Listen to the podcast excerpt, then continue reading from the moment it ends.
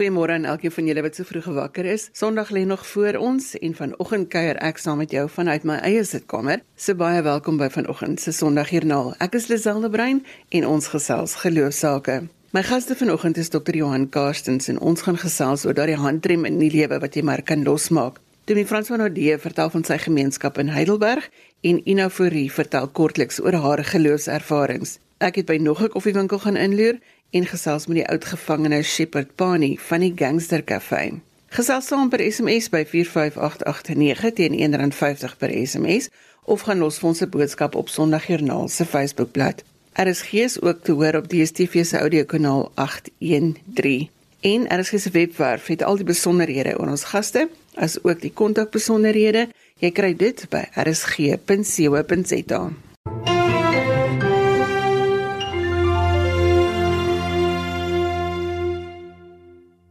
Dr. Johan Karsens gesels gereeld met mense oor hulle verhoudinge in die werkplek en hoe dit 'n verskil maak in jou lewe. Ons gesels vanoggend oor die handrem in jou lewe en wat jy moet doen om vorentoe te beweeg. Goeiemôre Johan. Dankie Lisel. Waar moet ons begin as ons net ons lewe in orde wil kry? Weet of dit in die werkplek is en of dit nou by die huis is, waar ook al, hoe moet ons kyk na wat ons in die hand het?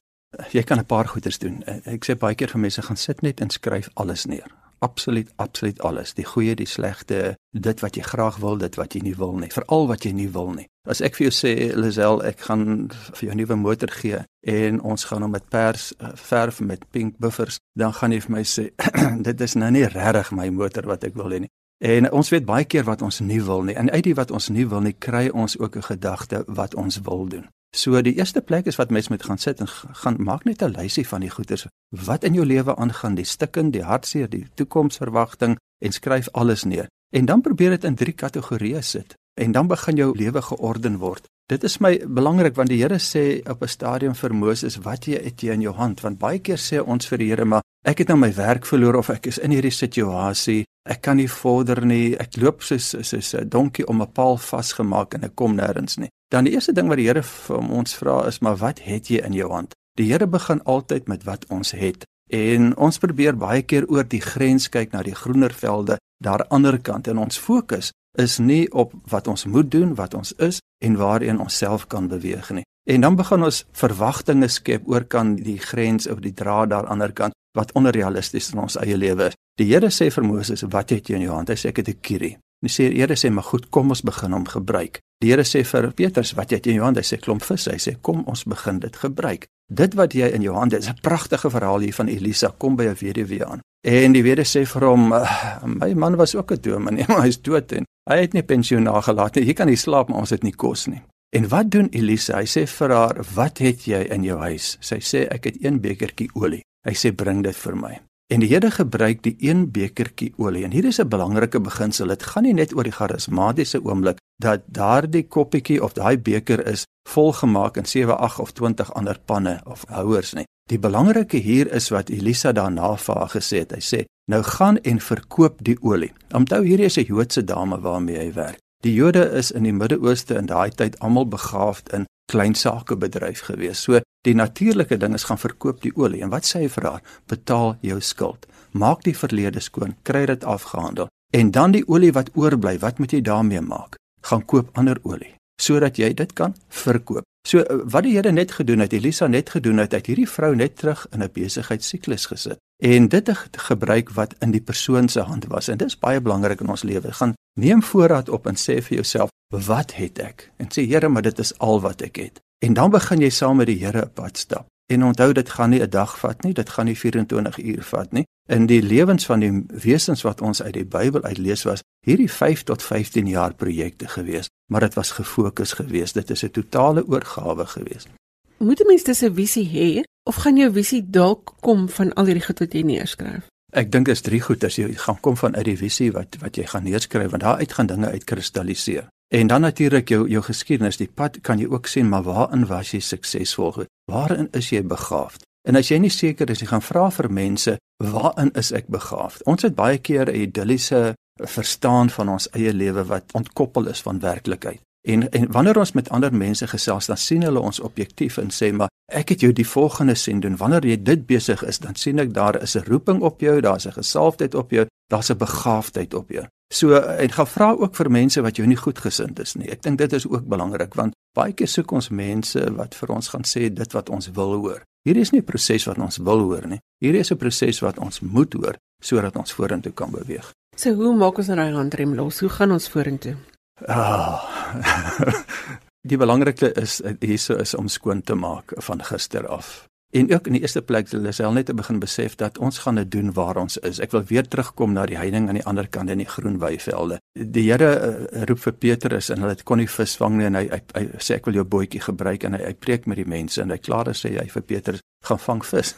Petrus lag hy sê, uh, "Ekskuseer, ek weet nie waar jy vandaan kom nie, maar ons is vissermanne. Ons het heel nag probeer hier is nie vis nie." En die Here sê, "Gaan in jou bootjie en gaan vang vis." Hy sê, "Waar?" Hy sê, "Gooi dit aan die ander kant uit." Dis op presies dieselfde plek waar jy is. Moenie probeer weghardloop van jou omstandighede nie. God wil jou deur jou omstandighede vat sodat jy uiteindelik bo kan uitkom. Wat die Here wel vir Petrus gesê het, gooi aan die ander kant uit. Met ander woorde, verander jou mentaliteit. Maak jou los van die mislukking van 24 uur wat ons niks kon vang nie, na die potensiaal wat kan gebeur. En dit is in ons lewens. Ons ons het soms miskien deur 'n egskeiding gaan, ons het ons werk miskien verloor. Miskien was daar trauma geweest. Miskien het jy 2, 3 keer in jou lewe herhaaldelik gefaal in die proses wat jy probeer het. En iets in jou sê, maar jy's 'n mislukking. Jy kan dit nie doen nie. So jou verlede begin jou dikteer op jou pad vorentoe. Dis 'n handrem wat losgemaak moet word. Daar's 'n rede wat jy 3 keer na mekaar gefaal het. Soek die rede daarvoor, maak korreksies met daai rede en dan is jou handrem los sodat jy vorentoe gaan beweeg. En ek wil dit ook sê mense as daar in die werkplek of in jou gesinslewe of in jou eie lewe selfs in jou geloofstap lewe met ander mense probleme opgekom het en krisis opgekom het, maak los kry bitterheid uit jou lewe uit kry vergifnis wat jy gee en vergifnis wat jy ontvang. Ons is so baie geneig en sê ek sal vergewe maar ek wil nie vergifnis ontvang nie. Is dit nie 'n snaakse ding wat ons het nie né? Jy moet vergifnis ook kan ontvang van iemand wat vir jou sê ek is jammer vergewe my. En dit is die pad. Ons moet emosioneel losmaak van gister. Ons moet ons denkpatrone losmaak van gister. En ons moet fokus op die potensiaal wat die Here in ons gesit het. En dit begin bou soos klein boustene een op 'n slag Ons gaan nie soos 'n Lego set, jy kan nie die dak opsit as die fondasie nog nie is nie, as die mure nog nie gebou is nie. Jy weet hoe die dak gaan lyk, jy weet hoe die gebou gaan lyk, maar 'n stukkie vir stukkie, stappie, stappie vir stappie. Ek sê wat jy nou gepraat het, hoor ek al hierdie boodskappe, inspirasie boodskappe wat mense moet hoor. Maar kom ons bind dit saam met 'n lint en ons sê vir die nuwe jaar waarin ons nou besig is om in te gaan.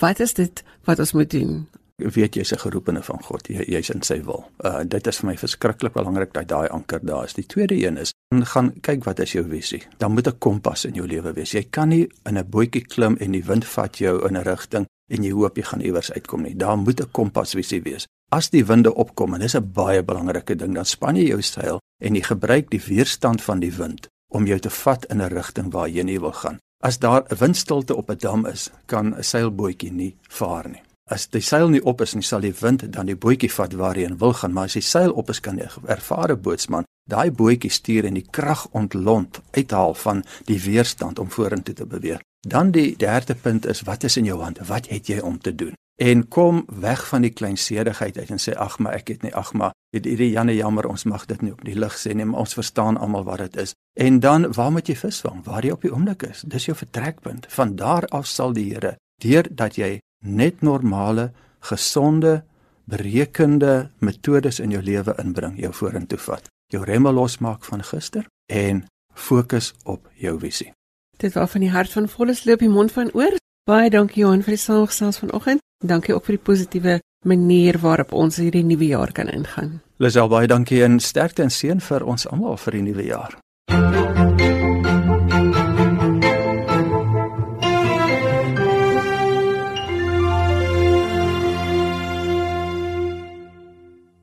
Ina Fourie is van die Huguenot NG Gemeente in Bloemfontein en ons gesels vanoggend met haar oor haar geloofspad wat ons by haar kan leer en wat sy in haar lewe alles aangevang het. Goeiemôre Ina. Môre Lisel. Ina, vertel ons van jou geloofs-oortuigings. Lisel, my persoonlike wandel met Jesus Christus het 50 jaar gelede begin deur opregte volgeling van Jesus sy opdrag gaan maak disippels uitgevoer het. Toe ek Jesus Christus as my persoonlike verlosser aangeneem het, het hy my op 'n liefdevolle manier gelei. Nie seker tot 'n beter manier van lewe nie, maar tot 'n intieme persoonlike wandeling met hom. En hierdie Jesus wat vir my toeganklik is deur sy Heilige Gees, het homself aan my bewys. En daarom is ek nie 'n bekeerde Christen nie, maar is ek geheel en al 'n oortuigde Christen. En hoe het jy met hierdie geloofspad van jou met mense omgegaan in jou in jou elke dag se lewe? Lisel, ek het ontdek dat toe ek Jesus Christus aangeneem het en toe sy verlossingswerk in my lewe 'n werklikheid geword het, het ek totaal verander. Ek het 'n volkomme nuwe lewe ontvang. Maar Lisel, God is nog steeds besig om met my persoonlikheid te skaaf. 'n Christen kom nooit by die punt dat hy kan sê ek het gearriveer nie. Jy vra watter rol het geloof op my lewenspad gespeel? Ek het geleer om vir alles dood eenvoudig net op die Here te vertrou. En nou jy is nou al 83, ek dink jy het jou 83ste verjaarsdag gevier. so oor die oor die landslyn. Waarvoor is dit wat jy dit dankbaar is as jy terugkyk in jou lewe?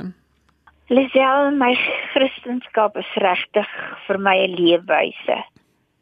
Kyk ek terug, dan ervaar ek dat God intens by my lewensomstandighede betrokke was. In die storm van my lewe het hy my gedra die wonde van seer kry, het hy genees en die pad wat ek moes loop het hy toegelaat sodat hy my kon gebruik.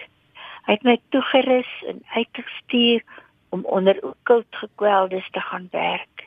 Nie die maklikste bediening nie. Maar Jesus vra nooit toe bekwam is jy nie. Hy vra, "Hoe gewillig is jy?" Ek het die krag van Satan gesien maar ek het ook die oorwinningskrag en die mag van die lewende God gesien. Ek het ervaar en beleef dat die bose sidder en beef as hulle net die naam van Jesus hoor. Lisel, ek wil nie hieroor praat nie. Ek het daaroor skryf. Wat skryf kom vir my so maklik. Die fokus van my bediening het hier in die aand van my lewe verander na begeleiding en gebed. En daarvoor is ek ontsettend dankbaar. En gaan al die eer aan die Here wat my nog steeds toerus en nog steeds uitstuur. En nou kom ons praat 'n bietjie oor die belangrikheid van 'n geloofsgemeenskap. Jy het gewerk met mense wat geweldige uitdagings gehad het.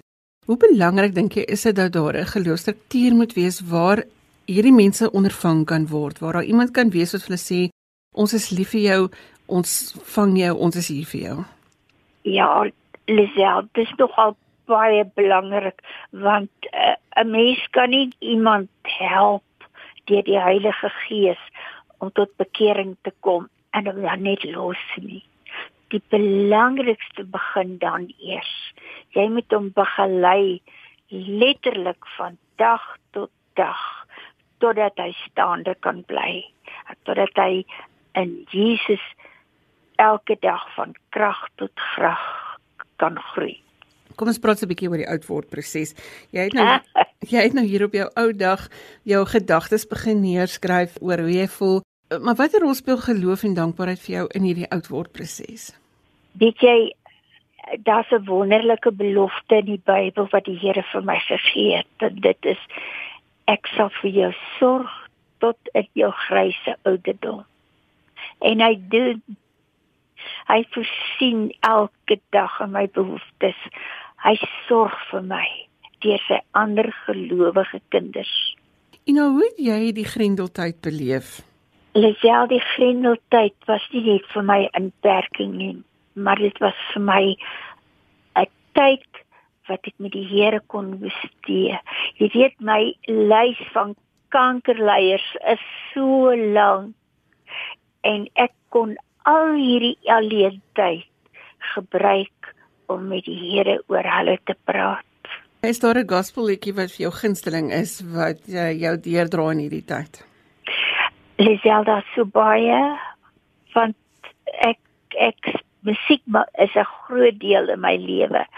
Maar kom ons staan by one day at a time, Lord Jesus. Want dis hoe ek leef. En so gesels Ina Fourie, sy is van die NG Gemeente hier genoot in Bloemfontein en sy het met ons haar geloofspad gedeel. Dankie Ina vir die saamgesels.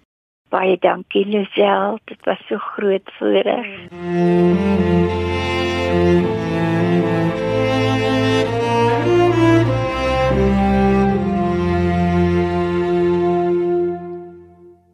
Demi Fransona Dies predikant in Lady Smith en ons hoor vanoggend by hom wat die uitdagings is in die gemeenskap en hoe geloof 'n gemeenskap bymekaar kan bring. Goeiemôre Franso. Hallo Lisel, dis lekker om met julle te gesels. Vertel ons van Lady Smith en jou gemeenskap daar. Lisel, Lady Smith is in die Klein Karoo, klein dorpie op die bekende Route 62, so as jy nou al van Woester se kant af Oudtshoorn toe gery het, dan moes jy deur Lady Smith gery het. Tradisioneel draai die dorpsekonomie maar rondom die vrugtebedryf en die bedryf sorg vir baie permanente en ook seisonale werksgeleenthede. Nou kom ons uit 'n ernstige droogte mos die afgelope 4-5 jaar en saam met COVID het dit heelwat werksverliese meegebring, maar ons het die gelukkige situasie dat ons ook ander groot werkverskaffers op die dorp het soos 'n vrugtedroëry, kaasfabrieke, kelder en dan is Lady Smit mos nou ook die hoofdorp van van Kanaland uh, munisipaliteit. Julle is deel van die gemeentes wat gesels oor sosiale kohesie waar gemeenskappe saamkom om probleme aan te spreek. Waar begin 'n mens met so 'n proses? Ons weet julle is nog heel aan die begin. Plus wel uh die droogte, COVID, werkloosheid en en dan ook die politieke onstabiliteit hier op die dorp. Was so 'n soort van 'n ag noem dit 'n perfekte storm wat ons hier in 2020 getref het en baie van die foutlyne in ja in ons eie gemeenskappe kon bloot het en mense het net weer besef hoe bo langs die versoening tussen mense eintlik is. Kyk 'n wêreldbeker elke 12 jaar is nou nie eintlik genoeg nie. Ten opsigte van Lady Smith, um, ons munisipaliteit is maar soort van bekend vir sy onstuimigheid en wanneer daar onstuimigheid is of onstabiliteit dan word dienslewering ook maar in die wiele gery en dis 'n kettingreaksie en die gemeenskap word ongelukkig en dit verbreek ook die verhoudinge tussen mense. Nou tydens Covid het ons net weer bewus geword van die groot voedseltekort wat ook hier in ons eie gemeenskap bestaan. En dat dit 'n deurlopende uitdaging vir alle gemeenskappe gaan wees. Dis nie maar net 'n tydelike ding of 'n Covid ding nie. Nou ons kon hier 'n wonderlike netwerk van sotkombuise, organisasies, kerke byeenbring om ons te help met die verspreiding van voedsel. Die munisipaliteit en ander staatsdepartemente se ratte neem ons maar tyd om behoorlik te begin draai. Hier op Ladysmith, ehm um, ja, ons kry nogal erge stormwinde ook hier en ons daar gewoonlik groot skade aan die plakkerskampe En hierdie jaar het die kerke en die gemeenskap, ja, die munisipaliteit was ook betrokke en besighede het 'n wonderlike rol gespeel om om om te help in daardie krisistye. Veral ook met klomp mense wat nie salig gehuisves moes word. Nou ek ek noem dit goed om om eintlik maar die waarde van netwerke te onderstreep.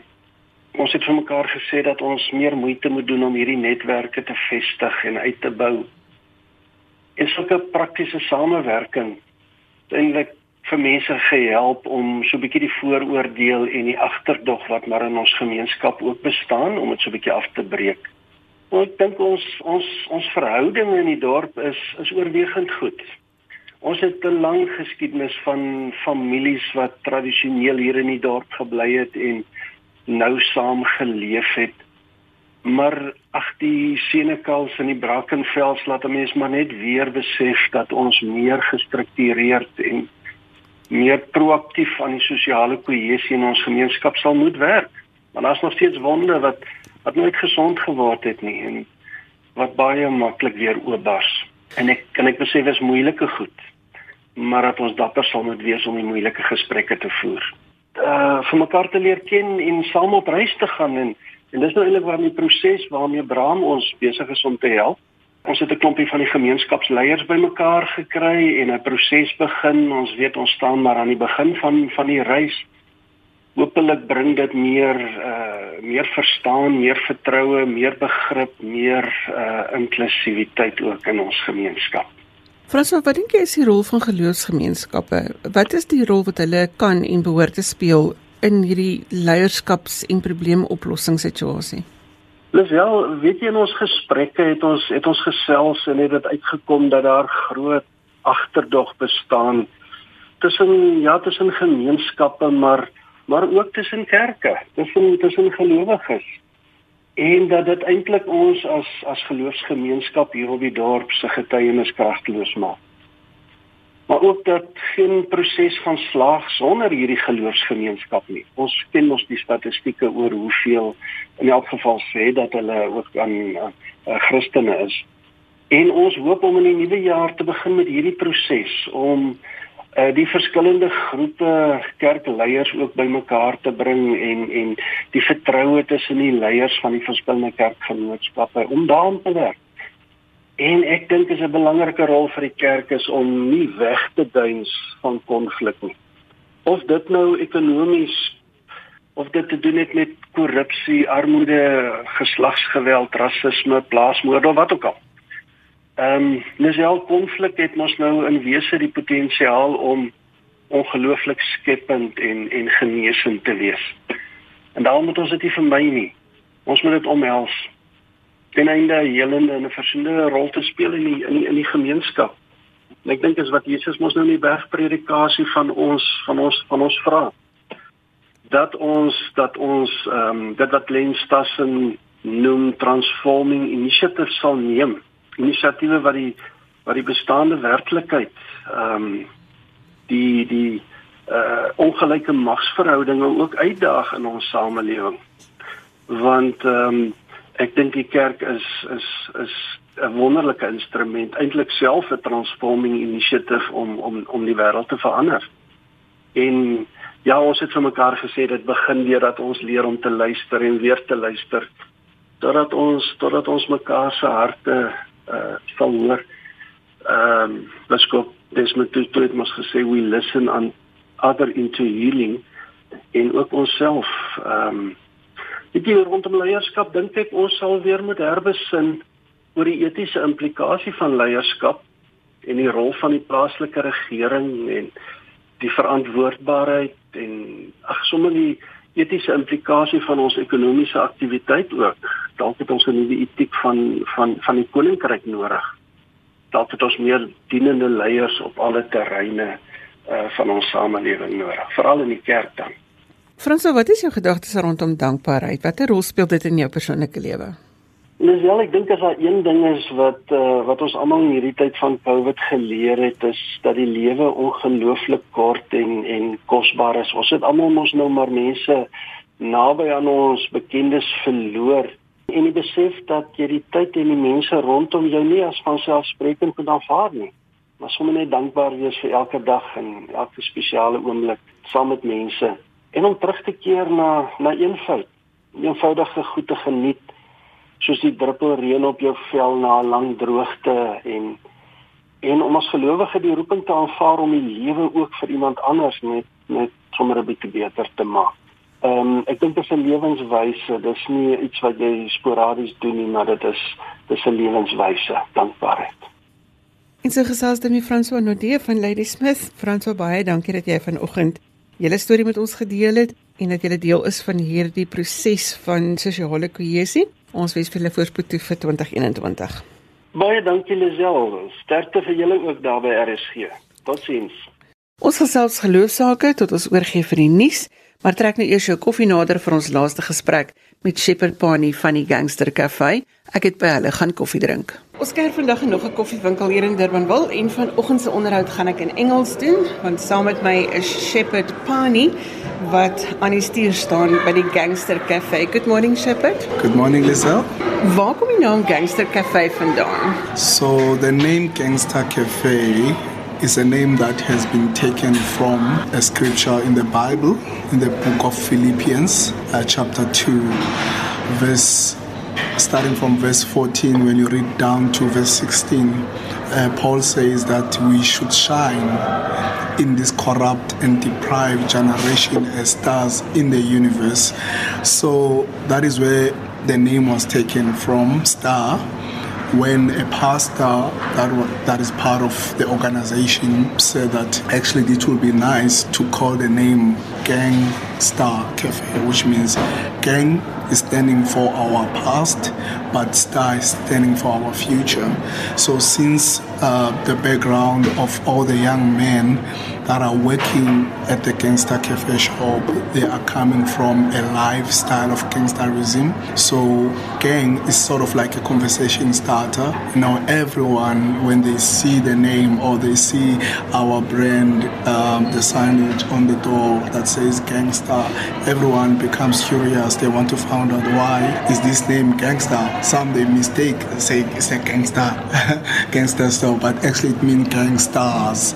So that verse it says that we should shine like stars in the universe in a corrupt and a deprived generation. You know there's a lot that is going on in this generation. There is so much corruption actually to human beings. Actually they are corrupt you know in by nature when they do not have christ. So that verse speaks of this generation that we are currently living in where there is so much wickedness lawlessness you know. So we were once young men that were living lawlessly. You know we were involved in gangsterism. We acted uh, out of ignorance. You know we never knew what we were doing but we were involved in that lifestyle. We were we were caught up in that circle also i come from that circle where i was uh, i grew up in Khayelitsha. I was raised by both my parents mother and father there and um, because of now the environment that I was in, it was easy for me to be quickly involved in gangsterism. And yes, sometimes, you know, young men, there's no child that comes into this world, they just have a desire or a dream to become a gangster. you know, no one desires to become a gangster or to become a lawbreaker.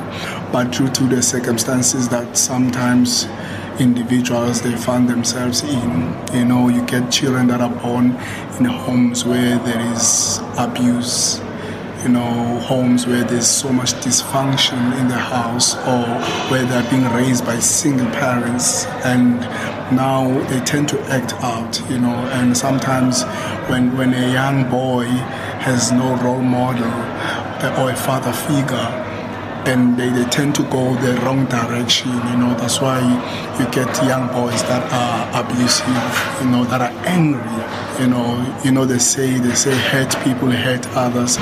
So, but my situation was, though my parents were there, both of them, they worked very hard to to provide for us. Uh, my father came from the Eastern Cape. He worked very hard, and we we he was able to secure a home for us in Khayelitsha in Lita Park, a nice suburb. You know, we were surrounded by nurses and doctors. You know, so but the struggle um, that caused me to act out was that I was struggling at school. I could not read. I could not write. And back then, I never understood why you know but i just when i realized that i could not read like other kids in primary, I started becoming resentful towards school. Uh, I blamed God. I asked, where is God? Why my life is like, why I can't perform like the other kids. But um, as life went on, I started banking school, smoking, you know those small small decisions that you take, you know. And I felt happy when I'm around the guys that were doing all the wrong stuff. I felt happy, I felt accepted, you know, by the gang, you know. So all these false things that were going on externally uh, was just a cover up of what I was going through inside, you know. So I, I had a dream. I wanted to become a social worker. I had this desire, man, of wanting to help people. You know, I just had that desire as a child, but because of this now struggle, I call it a disability because a disability is something that hinders you from doing what you want to do. So um, that disability really hindered me to pursue the dream. You know, I ended up leaving school and getting more involved in crime, alcohol. And what brought on the change? What role does faith play in your life? So, eventually, with all those wrong decisions that I've made, um, I ended up getting arrested 2012 for drug trafficking. And while I was inside prison, Johannesburg, away from home, away from my family, I had no one except the prison that I was in. And there's a guy who came and preached inside prison that time, 2012. He shared the scripture in Isaiah 43, verse 18 to 19, where it says, I forget the former things, do not dwell on the past. See, I'm doing a new thing. And he spoke about the love of God, how God wants us to forget our past. And I had a lot of past, a lot that was happening in my past, a lot of things that I've done. So he spoke about the forgiveness of God. And I, I accepted Christ. I cried for the first time in my life, cried in front of people I could not control myself. That day I took the decision to accept Jesus as my Lord and Savior. From that moment, it's like um, a cloud that, like my eyes, something was lifted, you know, I could see clear, you know, I could see clear. After that, I had this desire of knowing God. And I still had the struggle of not knowing how to read and write. And the, I heard a preacher say that you have to know God through the Bible. So I prayed a simple prayer to say, Lord, I really want to know you. Help me, you know, to read. And I taught myself in prison how to read and how to write. Today I can read, I can write, and I went to school inside prison. I educated myself.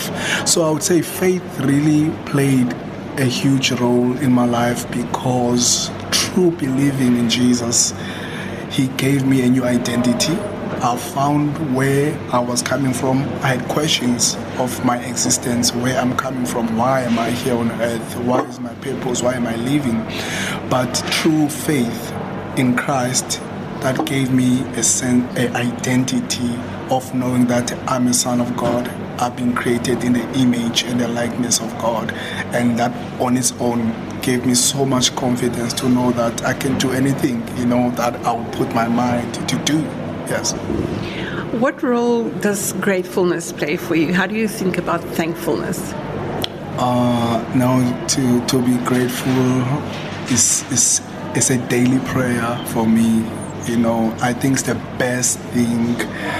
Uh, it helps me to be content, you know, with where I am, with what I have. So being grateful has helped me not even to be under pressure because each and every day I pray to the Lord to say, Lord, I'm grateful to be alive. I'm grateful for breath you know, I'm grateful for life on its own. It's a huge blessing to be able to be alive, to breathe, to see.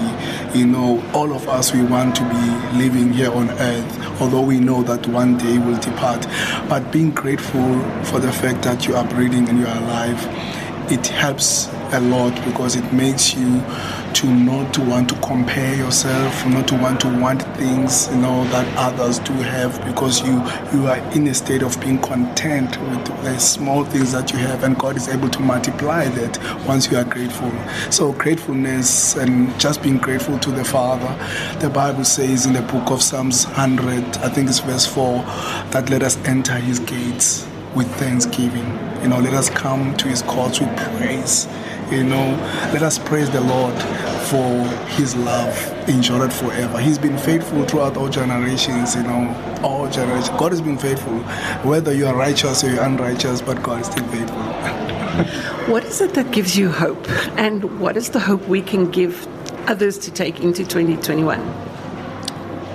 What gives me hope um, is Jesus. You know, it's, it's really knowing that I have a Savior, you know, who is coming again. And it's true when the Bible says that Christ in us, He is the hope of glory.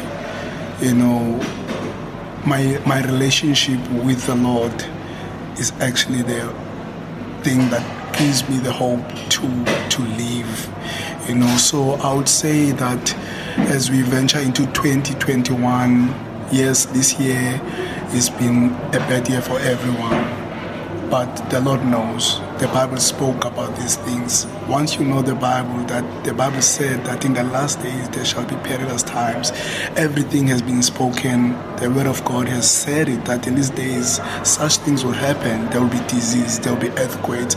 So on the Word of God is the source of hope. You know, it's a foundation to live on this earth, to know whatever that can happen in the next hour, in the next day, the Lord has spoken about it.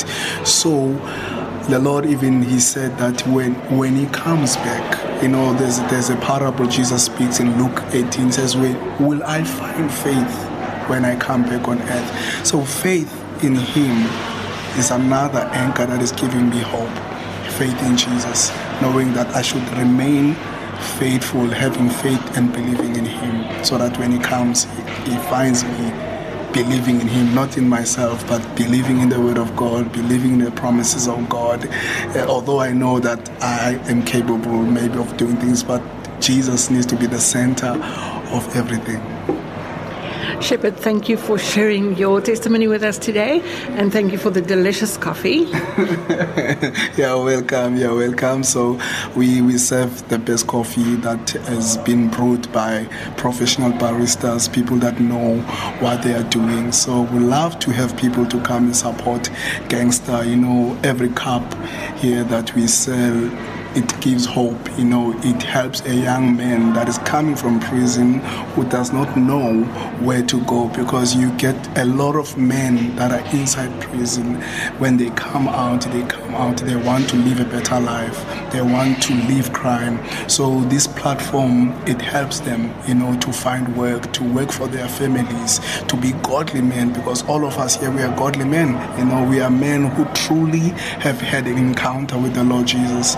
And and we accept everyone who wants to change. You know, change comes from within. Then if people they want to come and work here at Gangster, they must know that they have made up their mind. They want to leave the world. They want to serve God. They want to serve the community. So people who come and support and buy our merchandise, they buy our food. They are not just buying coffee. That's why it says there on the board that we are not just an ordinary business, but we are a business with a purpose, a mission of changing lives. What is your Instagram handle? Where can people find you? So um, they can get me at Gangster Gangster Cafe South Africa or on Facebook is Gangster Cafe South Africa as well. And yeah, they can follow me there or on my personal account is Shepard Pani.